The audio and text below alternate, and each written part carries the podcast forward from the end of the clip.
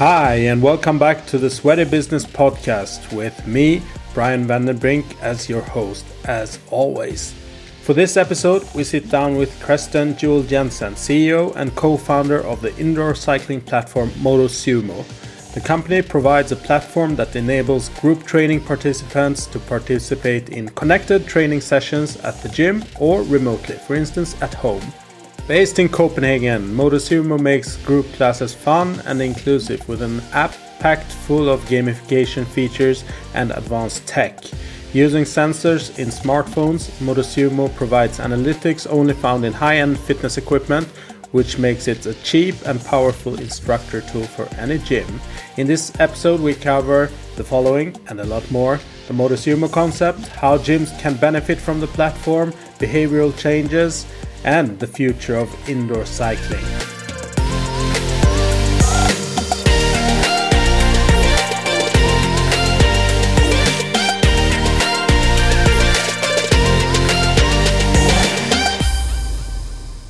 All right, so I would like to say a huge welcome to Kresten Juel Jensen, CEO and co-founder of MotoSumo. Welcome. Thank you, Brian. Thanks for inviting me.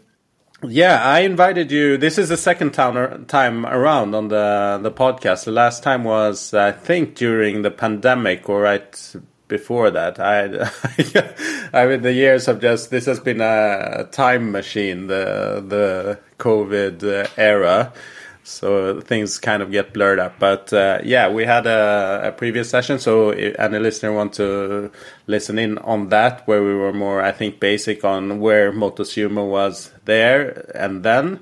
Um, I invited you on this podcast because we had a conversation a couple of weeks ago where you were talking about the latest developments within MotoSumo and also a uh, cool business model that you have uh, offering gyms, your platform for free. So we're going to discuss that as well. But also, uh, in general, I have um, in in several conversations with gym owners and professionals within the industry um, heard that yeah, some quite some uh, studios gyms are struggling with uh, cycling um, after the the pandemic, and also saw a slight decline before the pandemic, and also have issues with um, recruiting new instructors and stuff. So I wanted to discuss uh, indoor cycling as well in in general, and kind of get your uh, look and feel from from what's going on in that uh, in that area.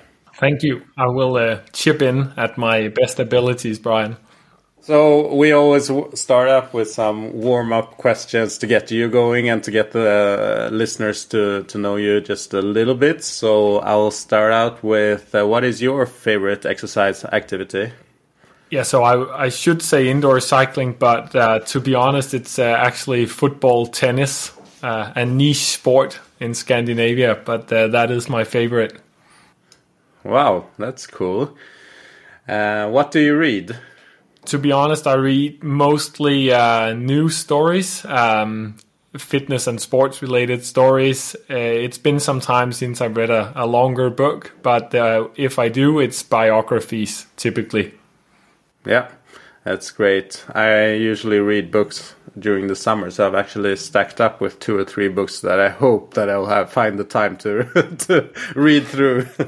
the same on this side. Yeah. Uh, what do you listen to? So I'm definitely a, a pop person, and um, I see myself uh, returning to the 90s once in a while. Uh, so 90s uh, pop, and um, yeah, of course, some of the recent pop as well. But uh, I'm a pop music guy. An app that you frequently use? LinkedIn is number one. Your latest screenshot on your phone? Yes, I uh, I know it's actually from this morning. It is uh, it is a screenshot of a person in Canada uh, on LinkedIn. Uh, which I uh, saw some very interesting uh, inputs from and, and wanted to reach out. So uh, it's a it's a reminder screenshot. Yeah, and I added this question to the question sheet uh, just because I think it says a lot about people and how they they act, and I do the same as you. I screenshot a lot of ideas and stuff and peop- topics for for articles, and on LinkedIn especially, I I both saved the post and screenshot it, so I have a double reminder. yeah. All right. Uh, the most overrated fitness health related advice. Ooh, that that's a tricky one. I I think basically that there is advice out there for fitness and health is generally always nice. I uh, I I tend to um, to like the slightly simpler advice sometimes. I think sometimes it can be a little overcomplicated, especially if our biggest struggle is to get the masses on board uh, a healthy lifestyle. I, I think overcomplicating it can can sometimes have the opposite effect, and uh, so uh, in that sense, I'm I'm more into the simpler advice that can help masses getting uh, get moving. Hmm. Yeah, I totally agree, and uh, that is also what I hear uh, increasingly from professionals within the industry that we're making stuff sometimes too complicated and actually scaring uh, the people that we actually want to to target and want to involve in our our solution for improved health. So yeah, simplify. True. Um, if you could be another person for a full year, from any time or era, who would you pick? yeah, that's another difficult one, but I've uh, I've always um, been inspired by people who have a little more uh, uh, creative abilities than myself. I'm an engineer of a background, so I I think in in acting uh, or um, or artists, but uh, uh, Sean Connery came up to mind with this question. Mm-hmm. Um, one year of being Sean Connery in his prime would probably be nice. So uh, that would be my choice. yeah, the um, true role model for a for a gentleman, and I, I, that is a good choice actually. I think he interesting life of. Uh, um, meaningfulness, yes, but both also having like interesting uh, meetings and um, involvement in the society, but also I think uh, enjoying life a lot as well. oh, who wouldn't like to be James Bond no. for a year? that would be very interesting, actually.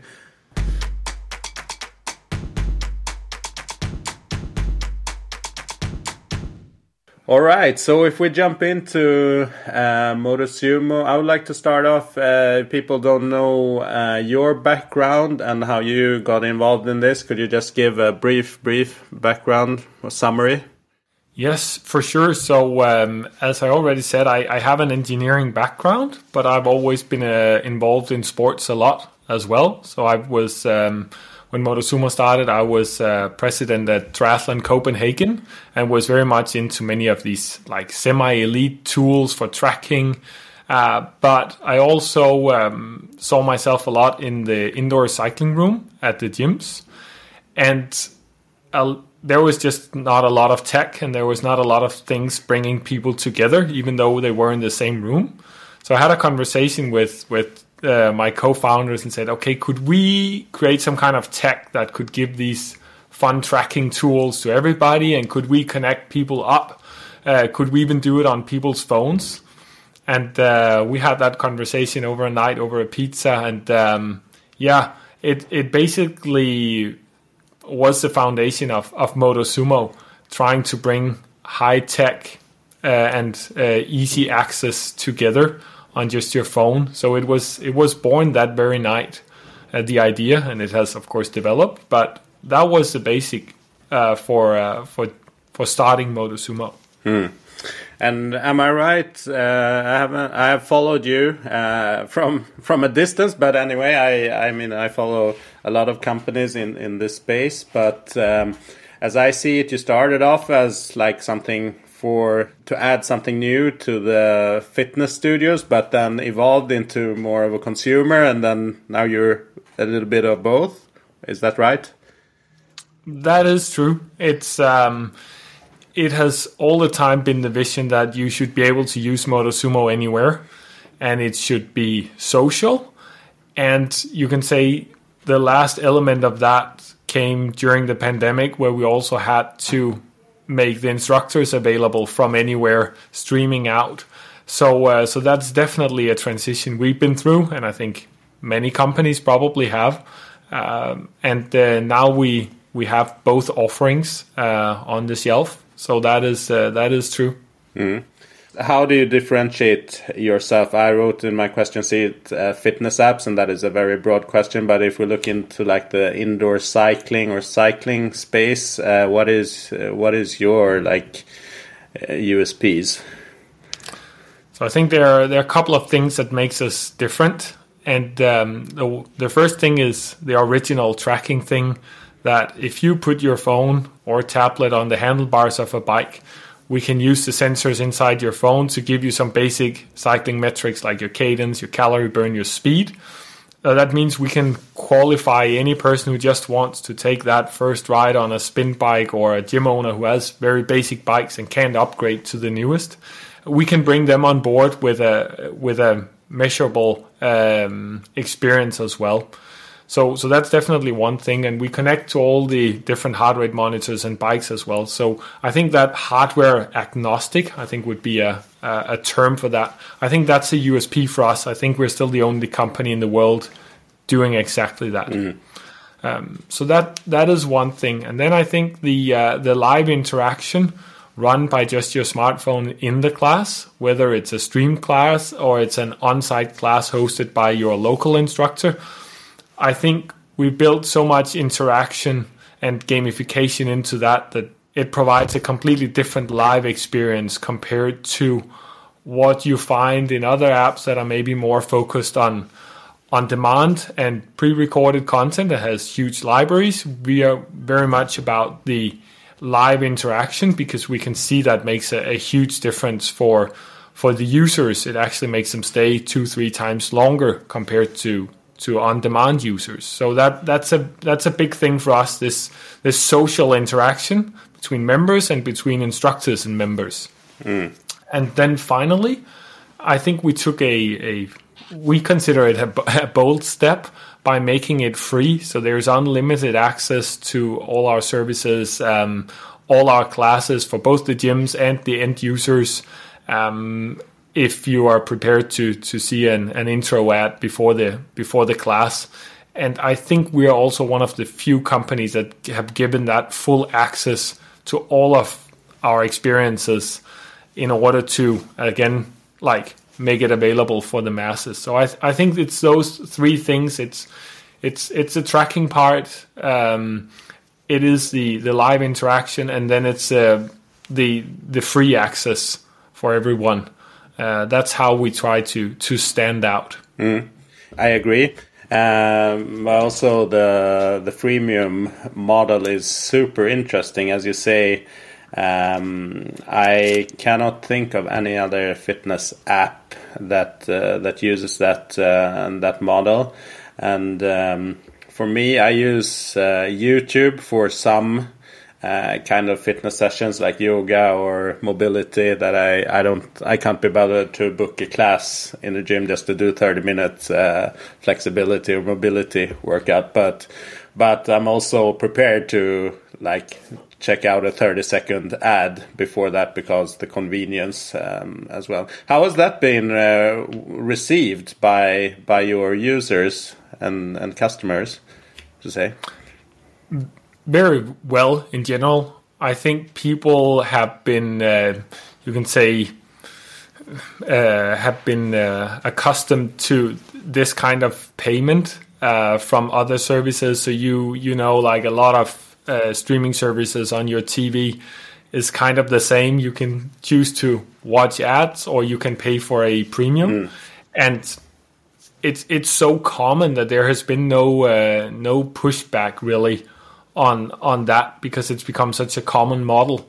So in that sense, it's it's not a new model, but I think it's very much a new model for for fitness platforms and fitness apps probably um, doing it doing it this way. Mm. Will it always be for free? You know, Facebook had that statement like uh, that it, it would always be for free. I think they removed it, but uh, they had it for a long, long while on their on their website. What is your your thoughts on on like the long term? Yeah, I uh, I want to. It's basically been a part of the philosophy to make it more and more accessible, mm. starting with the tracking, then making it available on all devices. It's it's basically just been a journey towards that, and it's it it would be um, a very crazy step to go back for us uh, charging the end users. Of course, there are some services that are premium, right? But not the content, not the base experience. That's gonna stay open and, and free because that's that's the way we grow, and that's also the way we show uh, gym owners that we take responsibility that it's a cool product because if people don't want to use it, we make no money. So you can say there's also a statement in having this business model of not charging just for putting it out there, but only for people who use it and love it. Do you think uh, this will be kind of, I don't know, like um, a standard for uh, for fitness apps in the future? Like that there will be a baseline that is free, and then you have these premium features that you can can charge for. I mean, because I'm thinking there is so much really quality free content out there. I mean, I mentioned YouTube. You have social media. You have other places where where there's so much. Uh, because I see also a lot of fitness apps services that are struggling with uh, with charging and reaching a critical mass of paying users. Well, how do you see that play out in the future, or will there be like tons of different business models? Yeah, it's um, well, the last few years has have proven that it's difficult to predict the future, uh, but um, but I think there is there is some truth to uh, to what you're saying that content by itself is available in such large amounts, uh, so much of it in great quality, that building a business model on a hard wall where you have to pay to access any of that, I think will struggle. Um, and I think for us, it's um, it's it's also a decision that we would rather have a lot of happy users and then uh, charge for getting rid of the ads or getting some premium history insights to that. But the content and the core experience, uh, keeping that completely open is, I think, I think we're probably the only ones really doing that. But I think more will follow because if you can't get people to stick to your core experience and show them how valuable that is, um, but you restrict it too early, I can't say where exactly you should restrict it, but I, I think if you restrict it too early, at least, you will uh, probably struggle when there's so many great things available for free. Mm. Yeah, that's interesting. We'll see how it will play out. I kind of think of Spotify when I'm thinking of how you're going at it, and I started up uh, with Spotify and used the free model. And I was happy with having uh, like commercials, so uh, more like a traditional radio experience. And then I was like, no, I want to get rid of that. And uh, I mean, today it would be impossible to remove uh, Spotify from from my life. I sent to music, podcast, everything, and like I don't know, 149 Swedish kroner uh, per month. It's it's nothing. It's just part of what I do and what I need in my my life. That's uh, that's exactly what we see when people have had enough time to use the service and really falling in love with it, then our fees are not what's basically keeping them back from taking a premium. It's more that they want to make absolutely sure that this is something that makes a, a difference in their classes, whether it's in the gym or at home. And when they feel comfortable with that, suddenly there is a time where they decide, okay, I do want the history insights. I do want to get rid of those ads and not waste 30 seconds before I, I kick off my class. And it comes as a more natural decision. Um, So so I can definitely echo that transition. Sometimes it takes time. Some make the decision fast, some make it slow, but that doesn't really matter in the end. Yeah.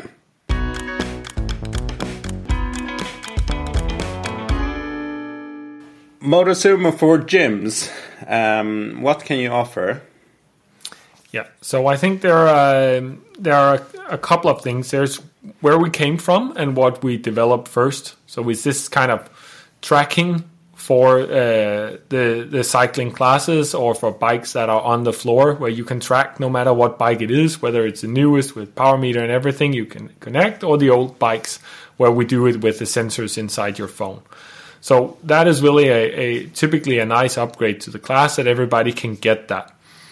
And then of course we connect people in the app or on the big screen, which is just a website, team.motosumo.com, where you can put all participants up on a kind of a leaderboard experience, but you also run races, team challenges, instructors can send out emojis, people can fire them back. Um, timers, however you program uh, your class, these kind of things is something that you have as a instructor tool and as a member uh, you can say group tool in the class. And mm. i think that's that's probably what we're best known for and what many gyms uh, use us for and what their instructors use us for. Uh, and since that's become free we can see more and more instructors are picking that up. And then the gyms realize okay that's that's a nice thing. So you can say that's it's for the gyms but it's as much for the instructors and members who are sometimes just picking it up organically and and using it in their classes to make them a bit more fun um, and and more easy for the instructor to coach as well when they have some some insights on everybody and then there is the the recent addition which is all the classes that we are streaming out so we're streaming out 12 classes per day uh, live or replay where they start at a certain time. You can put them up on the on the big display. Again, it's it's just team.motosumo.com. You open up in your on your laptop and you put it up on a projector or whatever you do or a TV. And then you have kind of this capacity booster. So if you have trouble having 12 classes per day in your cycling studio, I think most gyms don't have that. Nope. Um, there are some time slots where it doesn't pay off, but there are actually people who would like to sit and maybe be three or eight people together having a class. Well, our instructors take care of that, and they can see when people join if they turn on the app. They can say, "Hey, Jessica, how are you doing today? Are you feeling well? Okay, we got uh, 14 people from Sweden that just joined. Let's see if they are ready to race Team USA today." like it's it's that kind of interactive experience that you get as a gym owner for free in all those time slots that you can't cover yourself. So if if you calculate that on instructor salaries if you were to have 12 classes a, a day um, i think it's uh, i think it's a very nice free offering and free capacity booster. Um, and then it's also a you can say kind of a variety uh, thing you can you can chip into the mix because you probably have some instructors doing it in one way, uh, and that's a great way, and it's attracted a certain audience. But maybe some of our instructors are doing it differently because some are from Kuala Lumpur, some are from London, some are from Copenhagen, some are from San Diego, some are from Dallas. They all do it in different ways, and that can kind of bring in a new audience and maybe also people who are a little bit scared of joining that big indoor cycling class with 40 people and and they're walking in and suddenly there's only a bike on the front row. Um, being able to take kind of that interactive class with with just yourself maybe on a with a on a bike on the floor and joining it at at 12 o'clock in the noon in the lunch break is a little less intimidating and maybe the style fits you better. And ultimately it, it might get you to to join the instructor led classes of that gym so it's uh, it's those three things we try to add to the to the gyms. We, we give them a tracking solution. We give them that team experience with the instructor tools. And then we give them a capacity booster with with live and interactive classes throughout the day. And maybe especially here now that it's summer it's not very profitable to have too many instructor led classes, well, put team.motosumo.com on is our pitch on to that to that topic, right? And that challenge. Yeah. Or just maybe promote the app, right? That's another thing. Some just put up roll ups and say, hey, if you couldn't find a class that suits uh, that uh, uh, on our schedule, well, here are 12 other classes. Just open the app and, and join. Mm. That's great. Uh, we spoke a little bit before we started recording, and you said you were adding uh, tons of gyms. How many gyms do you have in your ecosystem? Yeah, so on uh, gyms that came in before we offered uh, these live stream classes to the gyms, uh, there's around a thousand gyms that have used our platform. Uh, and with the new offering, um, this year we've had already around 500 new ones uh, wow. coming on board. So it, it's traveling quite fast. Um, and yeah, we are we are quite excited to see um, how that continues because the initial reception has been has been very uh, very good for us. So we're we're quite happy and um, yeah and thankful for for that initial reception in the market. Yeah, I mean a fifty percent increase. That is uh, that is a dream, right? It took longer to get to the first thousand than the yeah. next uh, than than uh, compared to the to the next five hundred. So yeah. Uh, so the rate has definitely gone up, but of of course that is one of the strengths of having a a free platform out there, and then it's our job to uh, to make the money on on these few ads and and those uh, few gym members who uh, who take a, a premium subscription. Yeah. All right. So, what has uh, some of the feedback been from gyms? Do you collect uh, collect that? Yeah. So uh, I think uh, there's a lot of different feedback. I think initially the feedback was actually, so do we just put this up and can we just use it like this? Like, what is uh, don't we have to install something? Uh, don't we have to to make some kind of agreements with you, set something up? Uh, so initially there was actually a little bit of confusion with this this free model, and I think that's just sometimes how it is when things are free, um, and and or are new. Right, it it creates some kind of confusion in the market. So that was a little bit. We've worked on that trying to uh, to be more clear in our messaging. What there has also been uh, a request for is us supporting a little bit on how to explain this to the users. So you can say that's we we've developed some different marketing packages, um, some like five small tricks to get it up and running, like putting a few of the classes on your own schedule, saying, "Hey, there's also a live virtual class from San Diego." Put that on uh, on on your schedule at 12 noon and uh, have members join it. Um, have a link to the app inside your app as one of the partner options. Most if most gym apps have that. So we try to kind of help them on how to get this going, where to put up a simple roll up. Uh, explaining what to do, we've developed those roll ups so you can just basically print them and, and put it up or posters. So I think there the initial feedback has been first a little bit of confusion, and then uh, and then mostly a request to figure out how do we communicate this new thing to our members because we haven't done that before, and uh, yeah, we're trying to to help out the the gyms with that. Uh, some of them want a little more help and just want hands off, and we have kind of a we we actually sell a service package for that. Uh, for uh, for a thousand dollars for a full year, where we handle all these things, yeah. all support, all kinds of things, uh, send out the marketing material, these kind of things, just to to make sure the gyms are hands off and they know we handle it.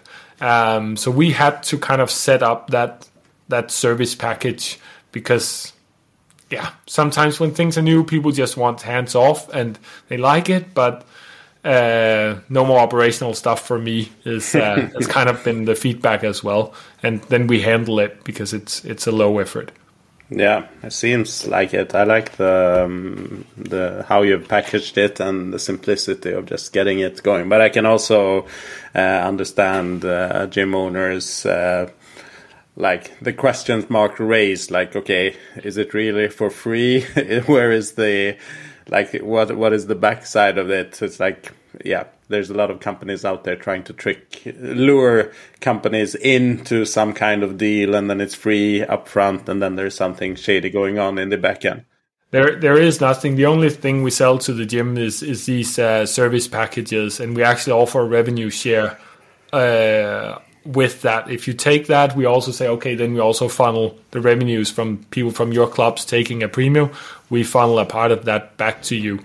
So it's kind of, it's just people who want to work a little bit more closely with us. They can choose to take the service package, but I, I don't know, maybe 50% are just like, hey, I can handle this myself. I, I get it. I understand it. I've read your support uh, page. Uh, I'm to do it myself in the next hour and I'm done. Uh, so it's it's very different uh, how gyms implement. All right. I'm interested in digging a bit deeper into like um, on demand usage versus um, live usage. Could you just give us a little bit of insight uh, there? And like, I see a lot of um, fitness services, digital uh, apps that are offering on demand, like convenient. You can start a class whenever you want. But I'm also hearing from concepts like yours, like that the um, the live classes are crucial to get the engagement going and activating members. Could you just give us a bit of your your take on this? Yeah, so I can uh, I can definitely say that we are offering the same classes on demand as we are live, and we just see two major differences. Uh, one is the retention, and one is the rating. So the same class, if people attended live and do uh, just a single live class, apparently they get hooked because they stay on their routine two to three times longer than people who just do on demand. All right. And that is even though live classes, like you have to plan for them, you have to um, yeah, you have to be there at a certain time, right? And and on demand is so convenient, and it's the same class, it's the same view, all the same instructions. It's even the same emojis because we we also record the interaction. So everything you see is the same for the on demand, but apparently when people get into the live universe, they stay two or three times longer. So we see a huge uh, benefit from that and that's also what has allowed us to do a different business model because we can see people stay long enough for us to make enough money. We can kind of guarantee that to the gyms that people will love this. Um, and then there's the other thing ratings. I just looked at, at the ratings for last month, and the live classes are rated 4.9 out of 5 on average, which is by itself very high, but you need to compare wow. it to something because there could be artifacts. So the yeah. same classes taken on demand are 4.5 out of 5. It's it's a nice base quality. I think we can be happy with it and proud of it, but it's not through the roof. But live is. So it it just makes such a a huge difference. And I think I think if you if you are into group fitness, which indoor cycling typically is, I think it just makes a, a huge difference. Like if you went to your gym and you walked in and there was no instructor, but you could just do the same program. Mm. It's laid out for you. Just do this. We will even play the music for you. You just have to follow this guide. Compared to there's an instructor and a lot of people on your side reacting to it, uh, cracking a few jokes. The difference is is like it, it's huge, right? And I think there have been research in the gym showing that training alone versus training in a group also doubles the lifetime of of, of gym memberships. So I think it's just the same effect, just on digital, because it's it's a group experience when it's live because people send emojis back and forth and you can see they're laughing when the instructor says something funny or calling someone out who's a regular uh, like you can just see there's the same interaction as in a group fitness class. So I, I, think it's it's exactly the same concept of having an instructor and a group, just transferred to digital. Mm. Uh, it has a huge impact, And Yeah. of course, sometimes you take an on demand class. So do I, because sometimes you're just busy and you want to get that workout in, and it doesn't fit your schedule to do an on demand. Uh, that's fine. Uh, but I think the big win and the big win for the future is is gone, going to be recreating that live and social experience uh, that you have in the gym studio, recreating that with a digital instructor uh, streaming out to you live as a group um, instead. Yeah, super interesting. Thanks for sharing. But how does Motosumo foster a sense of community among its users and um, encourage them to stay motivated? How do you? What kind of uh, measures do you use? Yeah, you can say we, we basically just made the tools available for the members and for the instructors, whether it's our instructors streaming out or the instructors in the gym. They have access to exactly the same, you can say, community and social tools. So it's um, it's really just giving them a range of ways to communicate. So for the instructors, it's a lot about timers, intervals, sending that out, but also the emojis. It's about um, setting up games uh, where you race as teams or you uh, you try to challenge yourself to donate enough for one of these charities that we're running. So the instructors will have a lot of tools to engage the members, but then that interaction also happening between the member, like the response that's coming back from the members and members in betweens with emojis like, "How are you feeling out there?" Ooh, and you can see a lot of um, of uh, overcooked emojis coming up on your screen or a lot of laughs. Then you know it's it's just something else than if there was no response to this. So we, we give them instructor tools to kind of get to be the spark.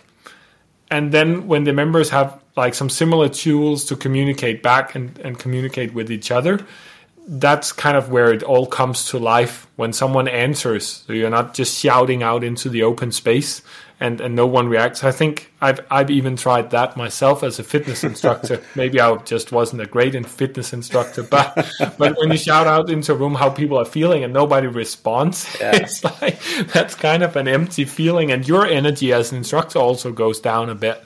Um, so, so we try to just give the tools, and the way they are then used and, and brought to life is very different from in gym instructors and our inst- instructors streaming out. They do it very differently, uh, but all make something of it. Yeah, that is uh, super interesting. And I, I, I used to be a personal trainer and uh, also a group fitness instructor, so I know that feeling when you send out that question and then you have no response. Most of the times you have response, but but that has happened. I was just thinking like yeah that would be really great to have like a screen in in the in the fitness studio where people could could send their emotions their emojis up on the screen. So i mean if you've been a participant in a class and you sometimes have felt like oh, wow this is really heavy i'm really tired is it just me or is it the others? So it's really interesting to get the feedback from from other um, participants as well how they are feeling uh, about it right in that moment. So that is uh, that is a super interesting element that you've added and I think that's what so what it does for the community part of it is that you feel much more connected to both the instructor and the other participants. Um, and and that's whether you're in the same room because I've I've been to to cycling classes where you were maybe 50 people in a room, but you didn't feel like you were connected. You didn't feel like you communicated to the guy next to you.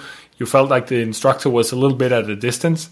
And when that happens with a stream class, like if there's nothing to get you together and feel like you're connected and you you know each other, you know what the others are feeling. Like it's it's very simple human. Um, I, I think it's a very simple human psychology that it just makes a difference, and you feel interested in the others, and we can see that more and more people are, are joining. We have a very simple Facebook community which you can just dive into from the app at the bottom, and we can see more and more people are sharing just their thoughts after a class. Some are meeting on on post workout Zoom calls, and we can also see people in the gym. They talk more to each other after a class where they had something together one maybe won three races and the other only won two was on the winning team and it's like there's something to talk about or the charity that's being run at the moment ah okay have you seen that and who's behind that organization that just giving people some some talking points uh, and and a sense of knowing each other just creates a different uh, after class vibe and a mm. community. I think uh, we're we're the spark and and trying to make the community live that way. Yeah, I think actually gyms can uh, can uh, improve a lot in this area in creating these um, kind of spaces where the the members can meet and communicate. I mean, one thing is during and after classes, but uh, to be honest, a lot of people come there with their friends or spouses or whatever, and then they hang with them, and then yeah, I guess they say hi to some other members, but there's not that super much interaction uh, apart from that. So that is definitely something that could be translated into the physical space of gyms and fitness studios as well uh, to figure out how to create these these forums. Yeah, and when it happens during class, it typically continues after the class, and that's where you get a connection to your gym. So it doesn't matter which gym you're in. It's actually the one where you know the other people and not just your spouse or your friend, as you're saying. Yeah.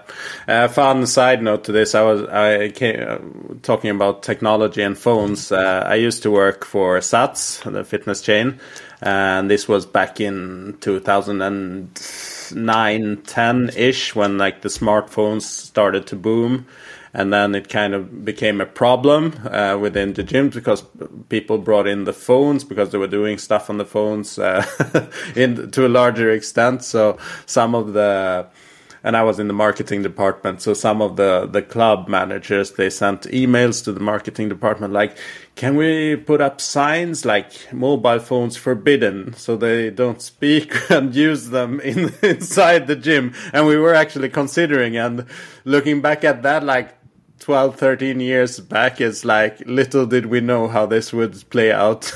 yes, I I remember the same struggle, and that was even in 18, still 19, maybe as as well. It was like, no, but we don't want members to bring their phones. And I was like, yeah, you just don't want members to be on their email and on social media during the class. But if they can use the phone for something smart if you get them to take selfies from your gym, post that on social media afterwards. It's a marketing machine as well. So it was, um, we were still struggling with, with some of the gyms and instructors uh, on this topic and discussing it a lot just five years back. And now I think the discussion is more or less over uh, because people have also learned, just like when they're at the cinema uh, and uh, they, they go to a movie like you learn that you put it like on do not disturb mode. You you get those things right? So yeah. so people have learned also to have the right you can say etiquette with with their phones. And that just took a little while in the gyms as well but i think we're getting there. Well there's of course always someone walking around talking loudly uh, in the strength area but there would be like you can't like otherwise they would just be with his friend right? So yeah. i think um I think it's very interesting that you had those discussions already back in in the early tens, um, yeah. and now it looks like this. It's a huge change, right? Yeah, yeah, it's ridiculous to to think back on those discussions now.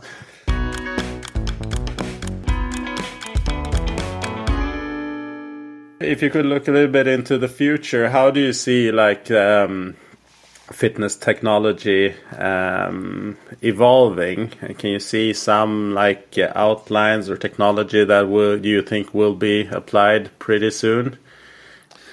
Yeah, so people are talking a lot about personalization, right? And yeah. using AI for it. And I think that has a place, right? So you don't just get generic advice all the time. I think it definitely has a place but I think what's getting lost a little bit here in translation and with the tech, sometimes using the tech to bring people together is the best personalization that there is another person seeing you on a human level maybe they are not the intention is not for them to create the best AI generated advice for your training, but just seeing you as a person. How are you feeling today?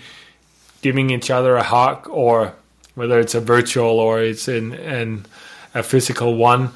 I think I think we're going to see more and more of the technologies trying to bring people together, whether it's live uh, on the same site or it's virtual, uh, which I think we're also seeing with a lot of the personal training softwares where personal trainers can engage directly with their clients. I think that is going to be a, also a major part of this personalization because having a person actually seeing you for the person you are mm. is another way of achieving that feeling and that wellness and that motivation to continue your fitness journey. So I think I think that aspect added to the personalization I think is is probably a, a major trend that will continue for for some years because as you say in many gyms and many fitness app we haven't cracked the code entirely and maybe never will completely but we can definitely get better all of us yeah yeah, I'm thinking in regards to AI that it can actually, if we take personal training as an example, it can actually make you uh, better and more efficient in some ways. But uh, also, like I think creating uh, training plans and stuff like that. I think that AI will be pretty good at doing that and can do that more efficiently. And then the personal trainer just does his final touches based on based on the person in front of uh, him or her. Um, so can focus more on like the human skills, like coaching yes. people, speaking to people, and that's what actually people will be really willing to to pay for is the human interaction and seeing you, as you said, seeing you as a person and uh, knowing your characteristics, your history, and stuff like that, but using the technology to just become a better coach. Yeah, I, I think it's um, because there's there are, there are two elements at least to a successful um, training routine. One is a great plan, but you also need that inner drive and that motivation. And I think for what I've seen, no AI powered app or anything can give what a person can give to another person in sense of motivation and inner drive and and self respect and many other things that are in that very related space of um, of mental health, which is uh, just as important. And by the way, a small addition to that: fifty percent of of our users say they come for some like physical health benefits, like losing weight. But the other half is saying, "Hey, I'm I'm here to feel better," and, and that's mm. that, those are two very different things and and I think it, the the good personal trainers they know how big an impact that feeling well and not just performing well is uh, to a, to a successful journey and and a happy uh, and a happy member. Mm, for sure. All right. So well, we'll see what what happens. Um, finally, if we uh, look a little bit more at uh, Motosumo, could you give us some insights on what's uh, what's on your plate right now and what's the latest developments? Yeah. So uh, I think uh, something to to keep an eye out for is uh, what we do every quarter. It seems to be uh, something people really like. Is that we we run a new event where we donate uh, to some charity, which was the first quarter, it was uh, Train for Trees. So we planted some trees for every calories um, that uh, the users burned in the app.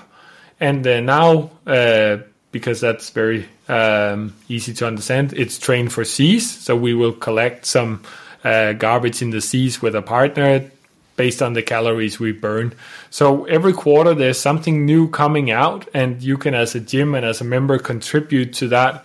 And it's a little bit of a talking point. It's also feeling that you're doing something good while you're feeling mm. good, and it's uh, it's something that will come out on a like a, on a regular basis every quarter. And it seems like something that also creates a little bit of that variety. You do something new. Um, it's uh, it seems just to be one of the most successful things we're doing on a on a regular basis, and uh, I would probably keep an eye out. I don't even know myself what is coming after Train for Seas because uh, we are trying to decide with our members and yeah. ask them. So I don't even know, but I think Train for Seas is starting tomorrow or the day after 8th of June. So um, maybe this podcast isn't out, but then look for the third quarter um, event at Motosumo. Yeah, that's great. All right. Um, I would like to thank you for taking your time and giving us some insights in what you're you're doing and your uh, opinions on the on the fitness market. I would actually like to end with um, with another uh, a question that I forgot to ask previously that we were discussing uh, before. It was like um, gyms struggling with uh, indoor cycling uh, experience. Uh, what is your take? Can you see any like changed consumer demands, behavior that might be affecting this in like compared to the old ways of gyms doing cycling, spinning classes, uh, compared with perhaps how some of the target groups uh, want to experience indoor cycling?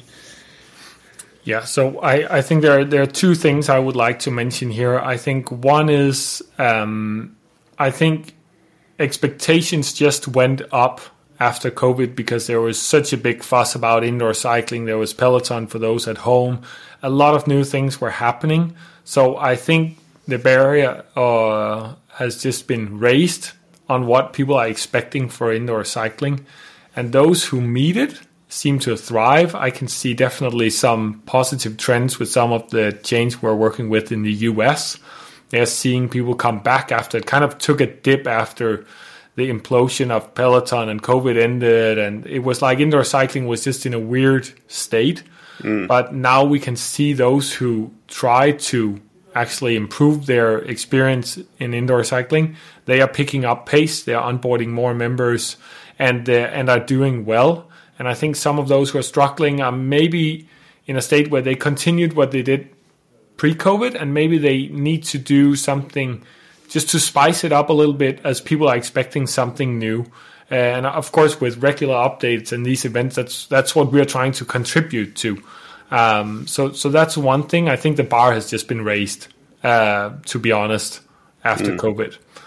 And uh, the other thing is is maybe uh, the variety thing. I think um, for some time, if you look at Scandinavia and, and Europe, but particularly Scandinavia, I think there's been a lot of focus on this, on the performance, well programmed mm. uh, kind of class.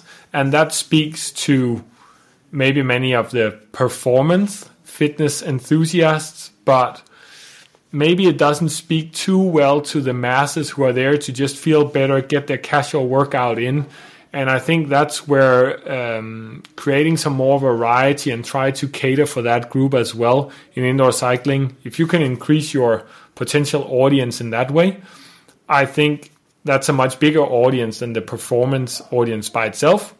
Mm. They are, of course, very loyal and, and they use a lot of classes, but uh, I think there's there's a trend uh, towards, uh, and thankfully in, in, fitness in general, to try to get something done for the masses, for for the average uh, guy who or girl who just wants to uh, be more active and feel better, and and I think trying to keep an eye on on that group is going to be very important for being successful with indoor cycling and any other group offering in general. I agree, and I came to think about Soul Cycle and how they emerged and did something completely different that wasn't performance based. It was more based on fun and community, and they didn't and still don't. I think don't um, define themselves as a cycling uh, experience. It's like community or whatever, something else. But as I said, I I worked at SATS and. Uh, probably around the same period 2010 2011 we were in in the US at uh, the IHRSA convention but also visited uh, boutique studios in in LA and um, the the product team were looking at the Soul Cycle concept and discussing to franchise it or something, but uh, but then they decided not to do because they didn't get it. They were like, "This is not cycling. This is uh, we we can't define it."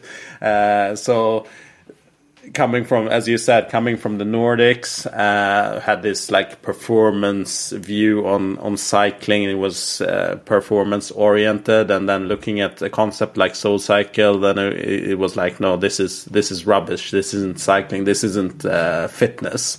I, I, think it's it's a it's a it's uh, it proves a very interesting point, and that is in general, you kind of you can end up with. Um, a group of people where it's just this is the way it's done.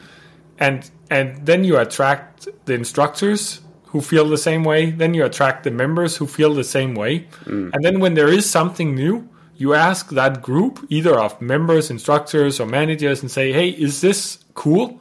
And they're like no it's not cool. But the thing is they should have asked the people who are not in the classes like could this bring you mm. to the indoor cycling studio. So we don't just have three classes a day but six classes because there's a whole new group of people coming in.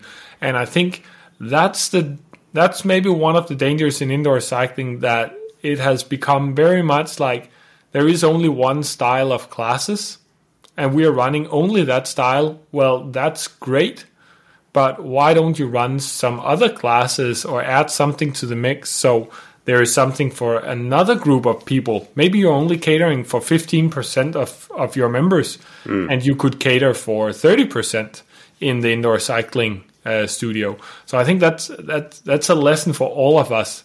Like you get the answer depending on who you're asking, and if you're asking people who love something else, they're probably not gonna love something that's completely different, right? That yeah. that would never be the case. Exactly. Well, all right. Thanks for your thoughts on this um, this topic. I think the, there is a lot of uh, truth to be found in in your sayings there. Uh, anyway, we've reached the end of the podcast. Uh, almost an hour gone. We could speak more. I have a lot of other questions, but I think we'll we'll narrow it down to this uh, these questions that we have discussed here. Uh, I will add to the um, description of this episode links to your website and um, social media channels if any listener wants to find out uh, more about Motosumo and uh, the offerings there. And um, I'd like to thank you for joining the podcast. Thank you for uh, hosting, Brian, and uh, it's been a pleasure joining. And uh, finally, uh, which song should we end the episode with? Yeah, with with the weather outside, I think it's going to be a sunny afternoon by Benny Sings. All right, I haven't heard it, but it's I'm sure it's great. At least I think it is. Yeah. Thanks a lot, Kresten. Thank you, Brian. Have a nice day.